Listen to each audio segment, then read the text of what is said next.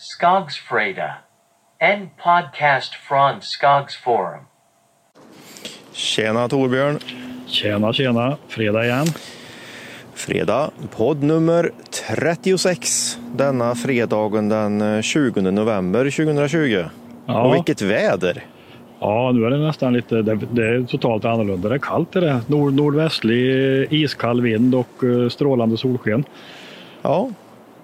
Och vi får ta och eh, redigera bort ljud från när jag står och trampar ner pipkrakar här. Okej, pipkrakar ja. Det är ett gissel det.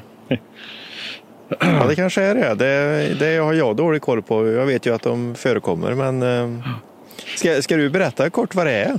Ja, men pipkraka är ju det som händer när det är väldigt finkornig jord som håller mycket vatten. Och när det fryser så expanderar ju vatten som alla vet. Och i den här pipkraken eller den typen av jord så expanderar det väldigt mycket. Det liksom lyfter alltihop uppåt. Så det blir som, eh, ja, som ispipor ser det ut som nästan stora mattor med och där det liksom lyfter upp ett tunt jordlager eh, kanske upp mot en decimeter upp i luften. Då.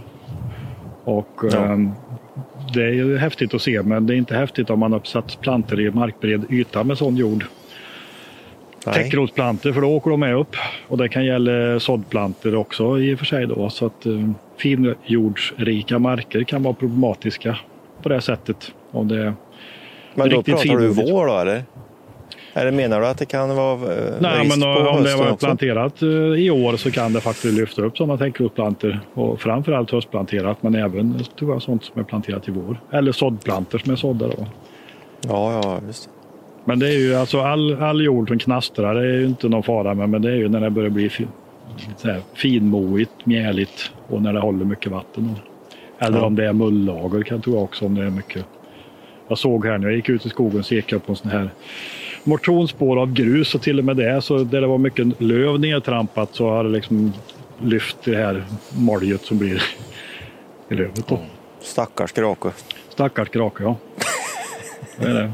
Men, eh, nej, men om ni ser det här fenomenet med massa is som åker upp i backen liksom i snygga mönster så kan ni ju tänka en tanke på de som har sett täckrotsplantor. Ja, tänk en tanke till dem. Ja. Ja, nej, men vad- blåst, vad ska blåst vi- och varit stökigt har det gjort. Ja, det har varit lite blåsigt, men det har ju inte kommit in några rapporter om några större vindfällningar i alla fall. Nej, jag såg att det var medlemmar från eh, andra sidan Bottenviken från Finland som skrev och var bekymrade för att det var det tydligen riktiga tag igår. Då, men jag har inte sett någon rapport idag om det, hur det gick. Nej, det tog väl fart över Östersjön igen gissar jag. Annars är just kombinationen av snö och blåst är ju sällan och bra för ofta lägger det sig på snett på träden eller på en sida så man får toppbrott och grejer. Då. Ja, Man får. Men, eh, ingen höjdare. nej. Nej, men vi- vintern kommer nog så sakteliga. Det kanske inte blir så mycket av den. Vi vet ju inte i de här tiderna, men eh, nu har vi ju fått en, eh, en, en släng av den årliga vintern i alla fall. Ja, är ju Minusgrader på natten har jag haft där. Och det, inget onormalt. Nej. fått bytte till vinterdäck igår tänkte det säkrast. Jag håller ut det längsta här men nu kan vara bra att ha. Så nu blir det nog inget mer kallt på hela vintern. Nej. Nej, så är det. Mm. Eh, vad ska vi prata om idag? Vi, vi har funderat lite innan här. Vi, ska vi börja med att vi startar en tråd om att eh, sågverken i Sverige har minskat i antal med 80 procent på 50 år? Ja, det är ju en... Är det eh, intressant? Ja, jag tycker att det är intressant. Man kan väl inte säga om det är bra eller dåligt. Det är väl svårt. Alltså, det är väl en allmän utveckling med konsolidering. Det är väl inget unikt för sågverksbranschen. Det, har väl, eh, det finns för fördelar i det, men det som jag tycker är ganska tydligt är att det finns ju inga skalfördelar i stora sågverk. Då kan man säga att det, det är ju skillnad att ha ett stort sågverksföretag som har hög produktion fördelat på fler sågverk än att ha ett stort sågverk som sågar väldigt mycket på samma ställe. Mm. Tror jag. Ja, definitivt. Men, eh, nej, men jag, när du la upp den tråden så gick jag tillbaka och tittade för jag gjorde en genomgång, jag tror jag gjort det i Svealand också, men på sågverken i Götaland för några år sedan. Och det har ju hänt mycket sedan dess. Rörvik har försvunnit och det har köpts upp lite sågverk. Men jag uppdaterar eh, lönsamhetsläget för de senaste tre åren på sågverken. Det är ganska intressant faktiskt. Mm. Vilka som har haft högst rörelsemarginal då. Och det toppar ju vida i Götaland. Ja. alla kategorier. De har ju varit väldigt framgångsrika. Och De Yes. är ju det största Och de har, sågverksföretaget. ett, de har ett stort sågverk de eller? Nej, det har de inte. De har många sågverk. Ja. Och de driver dessutom sina sågverk som egna aktiebolag. Men tittar man på alla bolag till exempel så kan man ju följa vart och ett av dem. Ja. hur de ser ut. Sen så samlar de det här i koncernen till slut. Men, eh, nej, men de har ju inte, jag vet inte hur stora det är största. De har ju stora sågverk men de har ju inga sådana här 400 000 kubik sågverk har de ju inte utan Nej. de kanske sågar. Nej, och det blir ju, där har du ju en extra spin-off i att eh, de blev kanadensiska häromåret. Så Ja. det är roligt att se vad som händer nu då, hur kanadickerna klarar av att Ja, sköta det vidare. Men, och det eh, är intressant att se om det blir någon form av förädling. Jag läste faktiskt, det var, jag tror det var Ulf Aronsson på ATL som skrev en artikel som var rätt intressant om det här med skivmaterial. Alltså avsaknaden i princip i Sverige av produktion av skivmaterial, byggskivor. mm. Jag tror inte det görs någonting nästan. Jävlar, det kommer en duvhök. Det var chatter på småfåglar här. De flyger fint i skogen. Jo, ehm, just att avsaknad av, av eh, produktion av skivmaterial. Det finns väl eh, en plywoodskivtillverkare i Otterbäcken och så finns det en spånskivetillverkare som Ikea äger i Hultsfred tror jag. Svidspan. ja. Eh, sen är det inget mer, men går man på byggvaruhandeln så är det ganska mycket skivor som han, Ja. omsätts. Det är mycket OSB och det är masonitskivor och byggskivor av olika slag. Plywood. ja, visst. Ja, där har jag en spaning. Där tror jag att om vi poddar om tio år så kommer vi prata om eh, hur alla OSB och spånskivetillverkare som har ploppat upp igen. Ja, det kan vara så. Kanske. Mm. Jag tror och, på det. eh, varför försvann de då tror du? För det fanns ju spånskivefabriker ganska många i Sverige. Ja, ja, visst. Nej, Lite men jag tror att... Eh, ska vi titta på... Nej, det blir en killgissning. Jag drar en killgissning så får du säga Ja. facit sen. jag kan ta min killgissning. Då kall- kallar vi den för facit. Ja, nej, jag tror att eh, det har ju varit sötbrödsdagar eh, för eh, massatillverkarna. Ja, Så jag tror att de börjar konkurrera väldigt hårt med råvaran där. ja, Och ihop med att det inte var så stora massafabriker borta i öst. Och då var det enklare att börja starta upp fabriker i östra Europa till exempel och eh, släppa råvaran till massabruken här i Sverige. ja. Så kan det vara. Jag tror också att eh, det som har spelat in mycket det är våran, eh, våran koldioxidbeskattning. som vi har varit relativt ensamma om tidigare i alla fall. Som gör att, ja, att, att det blir lönsamt att elda biobränsle jämfört med fossilbränslen. Och Ja. det gör att de flesta, det har varit, varit mer lönsamt att tillverka pellets av sågspånet än att göra spånskivor. För jag tror att spånskivefabrikerna i Sverige byggde på att spånet var i princip gratis. Ja, Ehm, och jag tror kanske tyvärr att det är så i vissa länder där det tillverkas spånskivor att det bygger på att det är liksom en, en, en, eh, ja, en rest, en avfallsprodukt i princip då från, från annan tillverkning för sågverken. ja. Men, Men, det, eh, men jag, tycker det, jag tycker det är väldigt intressant faktiskt för ur den aspekten att eh, tittar vi på det här med, med just eh, eh, koldioxiddebatten och den eh, svängningen som vi är inne i nu så, så tror jag faktiskt att det kommer börja ploppa upp skivtillverkare igen. Och det har att göra med att du har sortimentet i skogen är som gjutet för det. ja, För då, då har du botten på trädet, där har du sågade trävaror. Och det som görs massaved idag, det tror jag det kommer bli väldigt attraktivt att kunna göra till exempel OSB-skivor av.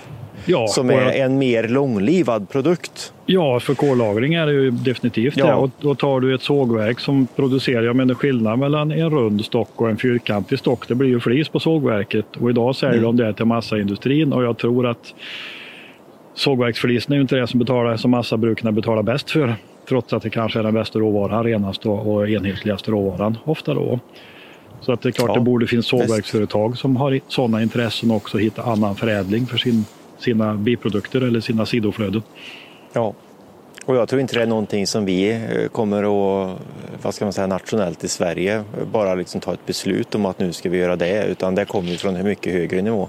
Ja, Och jag tror det kommer att springas ur, det kommer att vara sprunget ur det här med koldioxid, att du måste, eh, produkterna som kommer från eh, skogen ska, ska kunna binda kol en lång, så lång tid som det möjligtvis går. De ska Då vara kommer riktiga man att kolsänkor på, på riktigt. Riktiga kolsänkor. De kommer att premieras, de tillverkarna av sådana produkter tror jag. Ja. Ja, det här med det- kol är ett ämne som är kvar för att stanna. Jag har faktiskt full fickan i kol, men det är brysselkål. Jaså? ja, jag gick förbi trädgårdslandet förut och såg att det frosten nyper till på en brysselkålplanta så jag plockade dem och la dem i fickan så jag ska ta med dem in sen. men det var, Okej. det var inte sån kål. Där har jag ett tips som inte är skogligt. Ja, Om man ska ha, nu är det ju barnkalas och sånt där blir det ju sällan nu i coronatider men det finns en sån här vuxenprank man kan göra om man har barnkalas. okej. Det är att doppa brysselkål, stoppa en pinne i, i änden på brysselkålen så doppar du med choklad och så ställer du upp dem till Okej. barnen. Ja. Annars är faktiskt brysselkål är ju inte så dumt namn för jag tror att när det gäller kolfrågorna i skogen så kommer Bryssel ha stort inflytande. Om man skulle gå tillbaka till ämnet.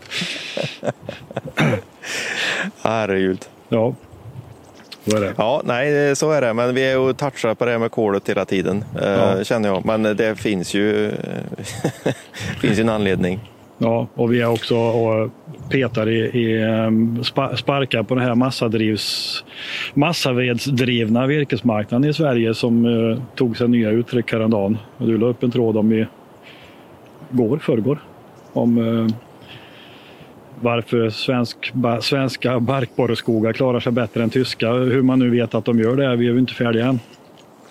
Ja, nej, men det var ganska intressant. Eh, Jag läste ju senaste numret av Handelsbankens tidning Tillväxt. De hade Ja. gjort ett eh, reportage med Göran Nylander Ja, eh, som jag tänkte att det är diskussionsvärt, så jag la upp en tråd om det. Och eh, det är diskussionsvärt tycker jag, för vad var Eh, kontentan i, i, i den? Ja, kontentan var ju om, om, man, om man ska spetsa till det lite och så verkligen direkt förs, förstå vad det handlar om så är det ju att Centraleuropa har valt fel skogsbruksstrategi enligt Göran Nylander som inte är klimatanpassad för det klimat vi har idag. Okej. Men eh, vi i, Sverige, vi i Sverige har anammat rätt klimatanpassat skogsbruk. Och han räknar upp sju punkter där jag tyvärr inte kommer att komma ihåg alla sju här ute i skogen. Men det är i alla fall att vi har större hyggen, Ja, vi har glesare skog, ja. vi har eh, skogsägarföreningar som äger egen industri som gör att det blir bättre transporter ur skogen tror jag. Ja, Och eh, en eh, mer inoljad värdekedja. Ja. Eh, större privata skogsägare tror jag var med och så hade vi lägre omloppstider. kortare omloppstid. Ja. Ja. Där, jag vet inte hur många vi hamnar på där, det var säkert någon jag missat. Men eh, det är jädrigt intressant för det är ju mm, Så Eh, kontentan ska- var i princip att ju mindre kubikmeter man har i skogen desto mindre skador får man. Eller? Ja, och det är klart, det är ju sant. Ja, nej, det var elakt. Men... Ja, nej, men, men ska, du dra det, ska man dra det riktigt eh, så krasst så är det ju så att det röjer ner hela planteringen efter två år så men, du får ju inte en barkborreskada. Nej. Så, eh, och sen så kan du tänja ut det här då, för nu, det var en ytterlighet jag drog, men tänj ut det då så finns det väl ett visst mått av, det hela i det hela. Men eh, det, det som vi inte tog upp så mycket i, i den tråden än, det är ju det här med lönsamhetsperspektivet för skogsägaren då. För det gäller ju att hitta någon form av sweet spot där också, för eh, ju lägre omloppstider du har desto mindre timmer får du ut ur skogen. Samtidigt som att naturligtvis så ökar ju risken ju äldre speciellt Granskog, granskogen blir då. Tallskog tror jag inte vi behöver oroa oss lika mycket över men granarna är ju, kan ju vara känsliga där då. Så den där sweet spoten där den är ju unik säkert för varje skogsägare och eh, någonting som kanske är diskussionsvärt. Men, men, men annars det som eh, man reagerar lite på det är ju eh, det enorma självförtroendet svenskt skogsbruk verkar ha. Ja, Där vi talar om för en hel kontinent att eh, ni suger på skogsbruk. man sparkar på den som ligger här. Fan, ni har gjort fel. Ja, och eh, det var därför som eh, vi gjorde ju lite superenkla kontroller eller eh, vad man ska säga med lite väderinstitut för att titta på om det kan ha skilt någonting i nederbörd och temperatur mellan i det här fallet Centraleuropa och Sverige. Väder och klimatdata.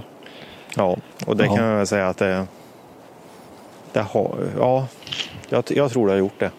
De är, de är hårdare drabbade i Centraleuropa för de har ju haft senaste perioden bra mycket mer torrare och dessutom något hejdlöst mycket varmare än vad vi har haft här. Ja. Nej, men jag såg dem, eh, du la ju upp några eh, kartskisser som visar skillnaden mellan nederbörd och eh, vad var det? Av, av, eller ja, netto, vad kallas det? Vattenbalans. Vattenbalans kallas det för. Nederbörd och även vattenbalans där det var, har varit väldigt torrt senaste åren nere i Europa och framförallt de här områdena som är hårdast drabbade har haft många år med underskott ja. på vatten och överskott på temperatur jämfört med här uppe där vi har haft, vi har haft ett år 2018 mm. som varit riktigt eh, eländigt och det är det som har knäckt svenska granskogen och i Tyskland har jag haft en lång period med sånt. Ja. Oavsett ja, vattenbalansen, eh, mm. är, det var faktiskt en, eh, en eye-opener på något vis. För det har inte jag haft koll på tidigare men det, det är ju ett väldigt viktigt värde att hålla koll på. Ja. För det är alltså nederbörd minus avdunstning. Ja. Så det kan ju faktiskt vara så att man kan bli lite lurad där. Det kan ju regna jättemycket men är det samtidigt extremt varmt så dunstar ju otroligt mycket direkt upp. Ja, och framförallt om inte det regnar när det är växtsäsong. Om det, om det regnar på vinterhalvåret och, och är torrt på sommaren så blir det ju också sämre. Ja, visst. Så det var lite kul.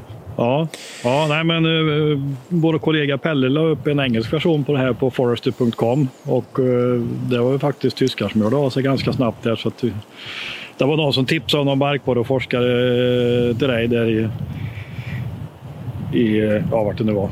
Någon, någon expert i Tyskland som man kunde prata med och kolla som de visste mer. Ja, Nej, men det, vi får väl spåna vidare lite på det här. Det är intressant faktiskt. Ja, det är det. Och det är som sagt diskussionsvärt för det är det som är det viktiga, att vi kommer framåt i, ja. i vår eh, kunskap om skogen. Ja. Så mm, det är spännande. Ja, nej, men det är, det är faktiskt och det är ju det är ju väldigt mycket debatt om skogen. Nu går det ganska hårda diskussioner om kalhyggesfritt och, eller minskade kalhyggen. Och det är väl eh, personer som profilerar sig inför Miljöpartiets språkrörsval till exempel, här som går ut ganska hårt och sen finns det ju ja, Sveaskog är ute i blåsväder igen. Ja. De har ganska tufft där de har renbetesområden och bedriver skogsbruk överhuvudtaget. Ja, visst. visst. Absolut. Men eh, ja, nej, annars vad har det hänt annars under veckan? Vi la upp eh, skotarstatistik la vi upp i början på veckan här. Ja, just det. Och eh, det är ju det är ju lite spännande för det syns ju inga coronaspår där kan man väl säga. På den marknaden. Nej, snurrar på. Det snurrar på som 17. Det är ju, var ju redan över 300 skotare registrerade i Sverige vilket är ju ett, ett riktigt bra år så är det nästan upp mot 400 var det ju i fjol faktiskt. 360-70 skotare någonting och det är ett toppår. Annars så Eh, är vi ju uppe på normala nivåer redan, redan efter tre kvartal i år. Mm. Och det är ju, men det är väl så att det är, det är många av de här maskinerna är ju beställda i fjol. Ja, jo, Eller i början på året. Eftersläpning. Ja, ja, det är det. Men sen är det också så att den här coronakrisen har ju inte varit allvarlig för skogsbruket och skogsmaskinsidan på det sätt som finanskrisen var. Nej. För då 2000, ja. 2008-2009 så var det, det var ju just en finanskris. Alltså de som behövde köpa skogsmaskiner kunde ju inte låna pengar längre. Det fanns inga pengar. Nej. Och nu är det ju tvärtom. Nu finns det hur mycket pengar som helst överallt. Ja, precis. Och sen så slog det bredare tror jag, finanskrisen. För du hade, nu har du ju faktiskt en uppdelning av sortiment. Just nu så har du eh, gallringsgrupper som står still då tyvärr. Ja. Eh, på grund av att massaveden är död. Ja. Eh, men, men tvärtom så är det ju ett hejdlöst skrik efter timmer. är fullt ja, så, precis. Ja. Oh. Nej, då var det ju stopp på det mesta. Ja, det var det. Det var jag vet, det var, var, flera tillverkare, de hade ju negativ ordring om flera månader. Alltså det annulleras fler order än vad de fick nya. Så det gick ja. baklänges och det var ju många, till och med typ som Volvo och Scania, hade ju någon månad efter finanskrisen. Då. Ja. Så det var en helt annan typ av kris. Därmed inte sagt att coronakrisen är bra på något sätt för den är ju riktigt jobbig eh, kan man väl säga för många. Ja, visst är det så. Även om vi som håller oss till skogen mycket klarar oss bra så, så är det ju en påfrestning. Helt klart. Då. Ja, definitivt. Visst är det så. Nej, men annars är det nog ganska stora skillnader. För det, ja. jag känner det personligen också som drev företag under båda kriserna där. Och det var ju finanskrisen, det slog ju mycket, mycket, mycket hårdare. Ja. Det var en rejäl käftsmäll ja. för många. Absolut. Nu, är det, nu slår det ju det som man ser nu. Jag här i Jönköping till exempel, sett på Elmia till exempel. De varslar ju 30 personer till. Så de har ju, då gör sig av med mer än halva personalstyrkan och flyttar. Nu flyttar de ju mässor som skulle ha gått första halvåret nästa år flyttas till 2022. Ja. Och lastbilsmässan skulle gått i augusti nästa år flyttar de till 2022. Och annat då. Så att det är ju, det är ju många branschområden som drabbas hårt av corona helt klart. Hotell och resenäring. Det slår Ja, på tjänstesidan men eh, pro- produktion och tillverkningsindustri klarar sig. Sverige har ju rätt mycket sånt ändå. ja. Men vad är, det, eh, vad är det som eh, gör att det är så dåligt med massaved då? Att den går så dåligt? Varför går det segmentet så dåligt nu? Jag vet inte. Det, det är ju... Man har väl tippat över den här balanspunkten när det blir för mycket utbud efterfråge situationen Ja. går över på nedsida istället för uppsida. Och det behöver Ja. inte vara mycket över den kanten förrän allt går neråt. Men sen är ju också är ju också, alltså det har varit en period när massapriserna ligger ganska högt och sen har dollarkursen varit ganska hög så de svenska massabruken har ju tjänat ohemult mycket pengar Ja, under ett par år och haft höga vinstmarginaler. Och jag tror att det kanske är lätt att man blir lite... Ja, man bygger på sig eh, kostnadsmassa. Ja, för man visst. har, eh, alltså man break-even för lönsamhet ligger ganska högt idag då på massavedpris över massavedpriset eller papp, färdigvarummassapriset, avsalumassapriset ligger ändå ganska högt i ett historiskt perspektiv idag. Ja, Jag vet inte exakt, det varierar vad man får betalt med. Spotmarknadspriset ligger väl över 800 dollar per ton, 850 kanske eller något. ja. Och det är ju inte Men, så att eh, dollarkursen är i källaren utan den har gått ner lite grann. Ja. Men det, det är ju egentligen, jag tycker det, det, är en falang, en vinkel man kan ha på det. Men eh, jag tror eh, ändå ska vi ta med i beaktningen att det är väldigt många gallringsgrupper som står still nu. Ja, Och de gör det för att det inte behövs någon massaved. Och jag tror inte att det har direkt att göra med att de har dålig lönsamhet eller en för stor kostym just nu. För jag tror att hade bara efterfrågan funnits så hade de ju kokat massaved så det stod härliga till ändå. antagligen. Så det jag, känns som att det är någonting med efterfrågan ändå. Och frågan är, frågan är ifall, eh, ifall vi har några stora massabruk som eh, är inviktade väldigt, väldigt mycket på eh, typ det här som kanske kallas hygien. Då. Och frågan är hur stor andel de påverkas av att det inte finns några hotell och konferenser och sånt där. Det borde Ja. gå rätt mycket Ja, det är mycket hygienprodukter. servetter och toalettpapper. Och, servetter, engångs... ja, för där har du en hel bransch som Ja. står still nu. Flygbranschen. Ja, väldigt mycket också. Ja, Jag Jo, vet men inte, det, kan det det det? kan säkert påverka. Det skulle inte förvåna mig. Det påverkar. Och sen har du Ja. också hela det grafiska, alltså papperssidan. Det går ju stadigt neråt. Och all- alla pappersproducenter är ju inte integrerade bruk som kokar massa själv utan många köper ju massa och eh, minskar då produktionen när man lägger ner pappersbruk så minskar ju efterfrågan på massa också. Ja. Så det är ju det är ju ingen lysande utveckling där. Men desto ännu större anledning att ha fokus på timret då. ja, Kan man tycka. definitivt. Och börja Ja. snegla åt någon sån här OSB-press kanske. Ja. Det kan ju inte vara rocket science att bygga en sån. Ja, det är spännande. Ja, Nord- det spännande. finns ju mycket. I Nordamerika kallar man det för vad kallar de det? Engineer Wood Products. Vi pratar mycket om KL-trä till exempel och limträ och sånt. Men de har ju mycket andra grejer de gör också som byggkomponenter. Och om det nu ska byggas åtskilligt mycket mer i trä så ska man ju vara med på den marknaden på något sätt. För det kommer att bli efterfrågan. Ja, herregud. Det är ju härliga tider. Ja, och vi skrev något nu i veckan här om eh, KL3-marknaden förutspås att dubblas fram till 2025 tror jag från nu. Och det kanske Ja. inte låter så mycket men ofta är det ju så här liksom, om man jämför med vindkraften. När man hörde de första prognoserna så nej men det kommer inte att gå.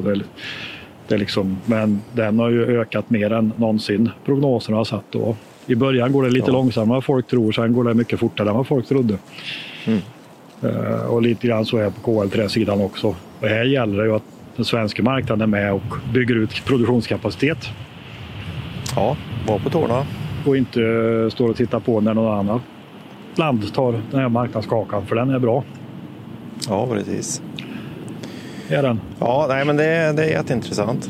Ja, en annan intressant sak, jag tycker jag har varit lite väl positiva den här podden. Vi få ta lite negativt? okej. Får ta och spy lite galla. Ja.